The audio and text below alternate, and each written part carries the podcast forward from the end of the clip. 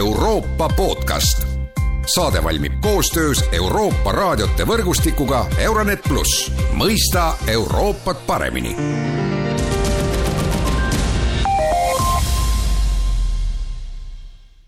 tere taas kuulama Euroopa podcasti. Leedu, Poola ja Läti mõtlevad selle peale, et hakata Kaliningradi taas kutsuma Königsbergiks ja samu mõtteid hautakse juba ka Eestis. tänases Euroopas erandlikult on meil seda teemat lahkamas tervelt kaks külalist, kolleegid Andres Herkel ja Georgi Beltotse, tere päevast! tere! tere! ja Andres, et äh, tegelikult ju äh, Kaliningrad leedu keeles on Karaljautsitšus ja Karaljautsi läti keeles ja noh, lätlased kutsuvad seda ka Kenisberga ja Kroljevets poola keeles, no eesti keeles me ütleme ikkagi Königsberg, ehkki ta otsetõlkes oleks ju Kuningamäe. ma ei tea, kas Eesti toponüümikas üldse on sellist kohta nagu Kuningamäe, et oleks ju päris ilus, aga ma arvan, et ei, ei juurdu meie kõnepruugis siiski aga Kaliningrad kindlasti on täiesti ebaloomulik nimi. ma tõtt-öelda ei tea siia mikrofoni ette tulles, et kas äh, Mihhail Kalininil mingit pistmist kunagi Königsbergiga oli, küll oli tal Tallinnaga, et äh, Tallinnas ta töötas ja Volta tehases. jah, ja, ja, ja võttis Eesti naise ja meie ka ei pääsenud sellest, ma olen ise Kalinini tänaval elanud, kuni see Kopli tänavaks tagasi nimetati ja siis Kalinini rajoon ja nii edasi, et aga, aga ju oli siis venelastel vaja üks nimi pärast teist maailmasõda, kui nad said selle ala enda kätte panna ja nii ta on jäänud mingil moel ka kinnistunud, aga Königsberg oleks igati kõlavam, mõistlikum ja ajaloo seisukohalt õigem. No Georgi, mis sa arvad, miks praegu, et eh, noh, tegelikult ju see Kaliningradi oblast on ju olnud päris pikka aega pärast teist maailmasõda ja noh, tõepoolest nagu Andres ütles, et et äh, Nõukogude Liit äh, selle nime pani, noh ilmselt selle eesmärgiga, et noh, et mälust täiesti kustutada siis see, et äh, see oli Ida-Preisimaa osa ja noh, meenutame ajalooliselt ju, et see ei ole ainult Kaliningrad, mida muudeti, seal on ju tegelikult teisi linnu ka, mis kannavad neid äh, Sovetsk on seal. jah, jah, Sovetsk, eks ole, mis ajalooliselt on Tilsit ju, ja noh, ajalooliselt me teame ju, eks ole, et näiteks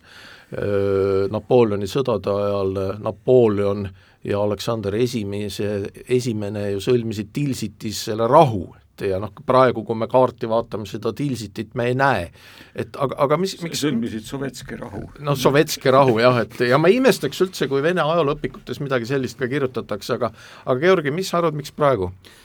no ma arvan, et see on ikka seotud selle üldrahvaliku kampaaniatega, mis on seotud siis äh, Vene-Ukraina sõja tõttu ja on suunatud Äh, Vene kaldkriips Nõukogude selliste imperialistlike ettevõtmiste vastu ja nii edasi, et, et noh, teatavasti ju nimede ümbernimetamised on ju kas on seotud lihtsalt mingi huviga, noh, ka Eestis on ju toimunud nimede eestindamised ja nii edasi, et kolmekümnendatel ja nii edasi, et et minu teada isegi Paldiskile mõeldi oma, omal ajal mingi uus nimi välja, Lahe vist, aga aga teisalt ju kätkeb ju taolised äh, uute nimepanekut äh, suurriikide poolt sellist äh, no imperialismi, üks osa tööriistakastist ja ja no ma arvan, et lihtsalt äh, kellelgi äh, kusagil lihtsalt kärgatas mõte, et äh, et nüüd on vist õige aeg ka sellega tegeleda, sest noh, kui oleme ausad, ega enne seda täiemahulist invasiooni keegi ei oleks viitsinud sellega tegeleda, vastus oleks olnud, et noh, mida me ikka torgime ja et elame sõbralikult edasi ja nii edasi, aga noh, samas äh, olgugi, et see sõda, mis Ukrainas toimub, on väga inetu ja õudne, on see andnud siiski mingisuguseid äh, võimalusi ühiskondades mingeid asju, mis on varasemalt aastakümneid kas just tabu olnud või ebamugav, ümber teha, et noh, ka Eestis on ju taolisi ettevõtmisi palju ja ma arvan, et äh, niimoodi tulekski vaadata seda, et äh,, et kas see on just äh, ajaloolise õigluse mm, taaskehtestamine või midagi sellist, et noh, nime, nime mõttes, et et me ei lähe kaasa selle Nõukogude pärandiga või, või on see lihtsalt selline noh, saab ka vaadata lihtsalt see poliitiliselt foonil seda, et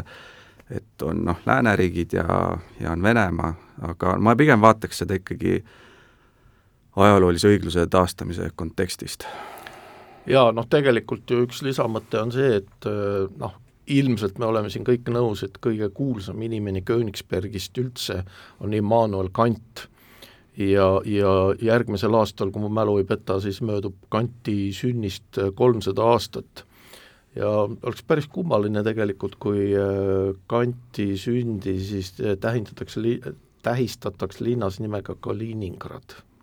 Et, et noh, tegelikult ju Andres, mainisid juba Kalinini seost Eestiga, aga aga Kantil on ju seosed Eestiga, Kanti suurimaski on üks väheseid, mis on säilinud, on Tartu Ülikooli ajaloomuuseumis ja nii edasi ja nii edasi, et noh, need tegelikult need seosed on ju päris tugevad. ja, ja Kanti haud minu teada on selles linnas, nii et ta on läbi selle, läbi selle aja olnud ja mulle tuleb meelde see, kuidas kadunud Peeter Tulviste kirjeldas üliõpilastele seda, kuidas ta selles linnas käis siis. Ja tema, tema kokkuvõte sellest oli see, et on mulje, et mm, teatris mängitakse mingit uut etendust, aga vana etenduse dekoratsioonid on üles jäänud. ja see oli kogu see Königsbergi noh, niisugune arhitektuur ja ajalooline pärand ja siis see Nõukogude tegelikkus seal, et eh, noh, ilmselt eh, Tallinnas, Riias ja, ja või seal samas külje all Klaipedas mm, ei olnud see niisuguse rahvastiku ja, ja linnapildi, linna ajaloolise pärandi kontrast nii suur Nõukogude ajal, kui siis Kaliningradis muutus, mis oli muidugi ka hambuni relvastatud ja, ja noh, sisuliselt ju Nõukogude sõjaväe kand Euroopasse maha pandud, selle, selle jaoks ta oli võetud ja see oli selle piirkonna peamine otstarve siis. no Georgi, kas sel nagu ideel üldse on jumet ja sellel on ka siis nagu jumet, et Eesti võiks äh, ühineda selle Leedu, Läti, Poola mõttega ja, ja ja siis tõepoolest äh, kanda siis maakaardile ja igasugustesse dokumentidesse Kaliningradi asemel Königsberg, noh see läheb muidugi ilmselt maksma ka midagi, et selline nimemuutus, aga vist asi on seda väärt. no nii palju, kui ma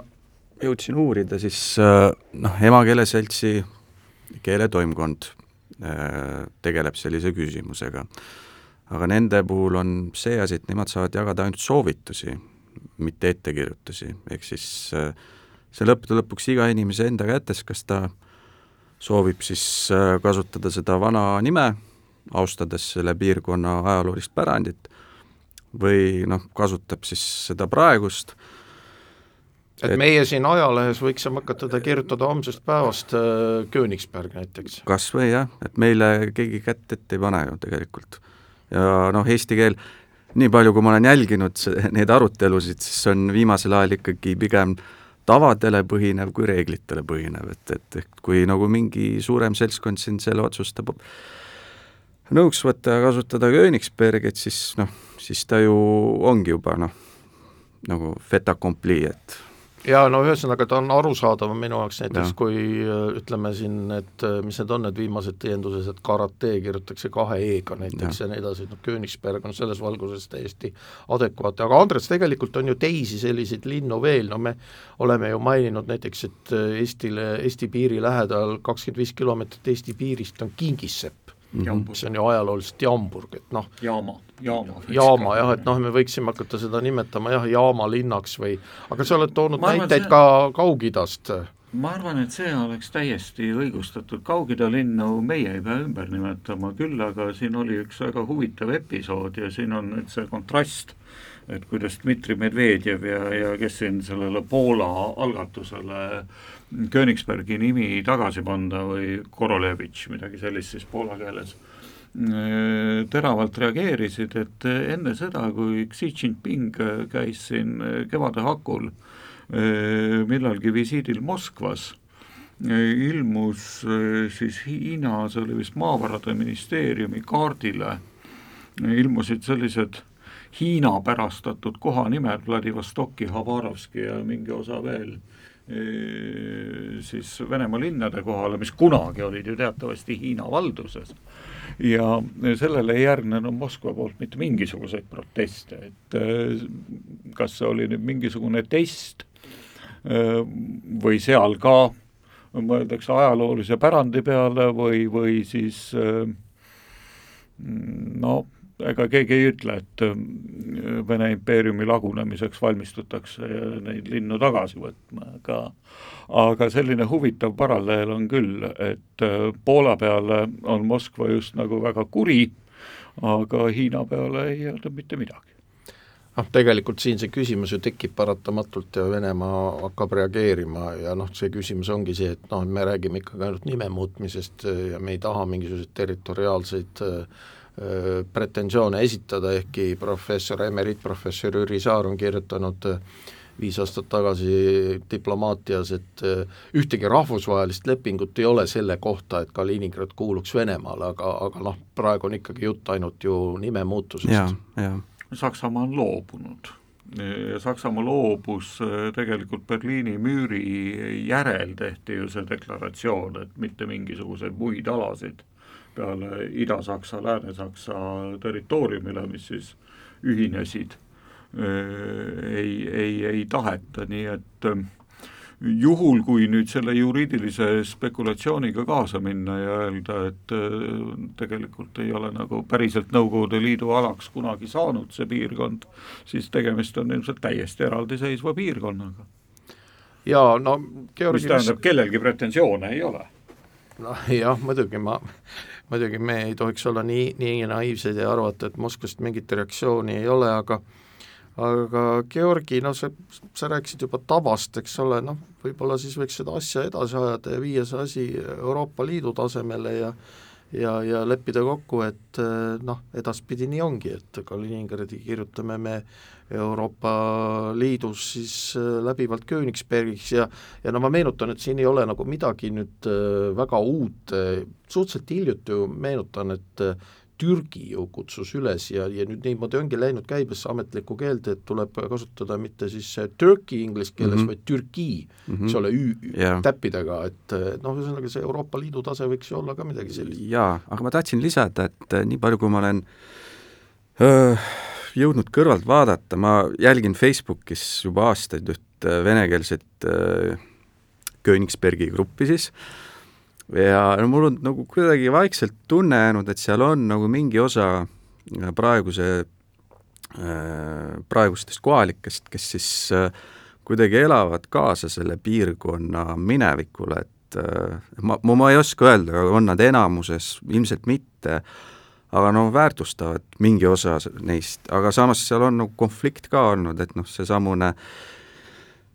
kant, et tema skulptuur on seal äh, mis seal oligi, äh, värviga üle kallatud, seal äh, üks kõva, kõvatajast admiral seal äh, pani ajateenijad paika, et kant oli reetur ja nii edasi, et ehk, ehk seal on nagu mingid pinged ja konfliktid, aga noh, mulle tundub, et noh, kas või geograafiliselt vaadates see, selle piirkonna elanikel on teistsugune identiteet kui nii-öelda maismaa Venemaal, Nad on täiesti eraldi äh, üles kasvanud äh, muus Venemaast toimuvast, noh ses mõttes, et äh, nad on, noh nende ümber on ikkagi olnud läänelikult Poola ja Leedu, eks nad on näinud, kuidas seal elatakse ja nii edasi, et ja, ja kui ma avastasin üht vana artiklit, siis noh, minu teada seal oli siis Balti Vabariiklik Partei, kes toetas jaa, mõni aasta tagasi, jah. omal ajal nimevahetust, et et, et kas see partei, millel oli küll väikene toetus või noh, ma ei oska neid protsente välja tuua, aga aga ikkagi kuidagi kandis sellist sõnumit, et, et Königsberg ja selle piirkond kuulub ikkagi Euroopasse, olgugi et nad on osa, ametlikult osa Venemaast ja nii edasi, et no Königsbergil on kindlasti Euroopa ajaloos tähtis ja oluline roll, aga, aga Andres, lõpetuseks, et noh, tundub ka, et siin osa probleemist on juba see, millele Georgi viitas ja sellele võimalikule valusale Vene reaktsioonile, et et, jah, et Kaliningradi oblast, ma kasutan seda ametlikku nime praegu, ei ole nagu maismaaühenduses Venemaaga. Ja noh, teiseks on ikkagi kõik see praegune, ma mõtlen siin seda sõda Ukrainas ja arvestades just Kaliningradi militariseeritust, seda, et seal on hästi palju Vene vägesid ja noh, on, on ju selge, et kui puhk, peaks puhkema konflikt NATO-ga, siis Kaliningrad oleks kõige esimene ja seetõttu noh, ma eeldan, et see reaktsioon sellele nimele, kõik see, mis puudutab Kaliningradi, et see ongi väga valuline probleem. see, see tege-, tegelikult see valulisus hakkas juba peale siis, kui tulid Euroopa Liidu sanktsioonid ja Leedu läks neid muidugi täht-tähelt ja väga rangelt kehtestama ja katkestas raudteeühenduse. no ja komisjon sekkus ja ütles, et noh, nii, nii ei saa. et ärge päris niimoodi tehke Äh, aga ma arvan, et ikkagi see kohaliku elanikkonna meelsus äh, on äh, põhiküsimus, et ühel hetkel on nemad valiku ees, mida nad tahavad. ja ma oskan seda kinnitada, mida Georgi ütles, et ma arvan, sellesama partei liikmetega ma olen kunagi ammu Varssavis ühel konverentsil kokku puutunud ja see oli väga huvitav, kuidas nemad maailma nägid ja nad olid nagu täiesti lahus sellisest muust äh, Vene liberaalsest opositsioonist oma hinnangutes ja oma vaates Kaliningradi äh, või Königsbergi tulevikule, nad ikkagi rääkisid Kaliningradist sel ajal veel, äh, rääkimata sellest, et seal on ju üles kasvanud ikkagi terved põlvkonnad inimesi, kes ei ole päris Venemaal kunagi käinud Nad on ilmselt väga palju käinud Leedus, Poolas, Saksamaal, tunnevad Euroopa Liitu, aga seda, mis Venemaa päriselt on, nad isegi nii täpselt ei, ei ole kõhunahaga tunnetanud. no selge pilt, aitäh, Andres ja Georgi stuudiosse tulemast, see oli tänane Euroopa podcast ja ilmselt kuuleme uudiseid Königsbergist veel tulevikuski. kõike head ja kuulmiseni!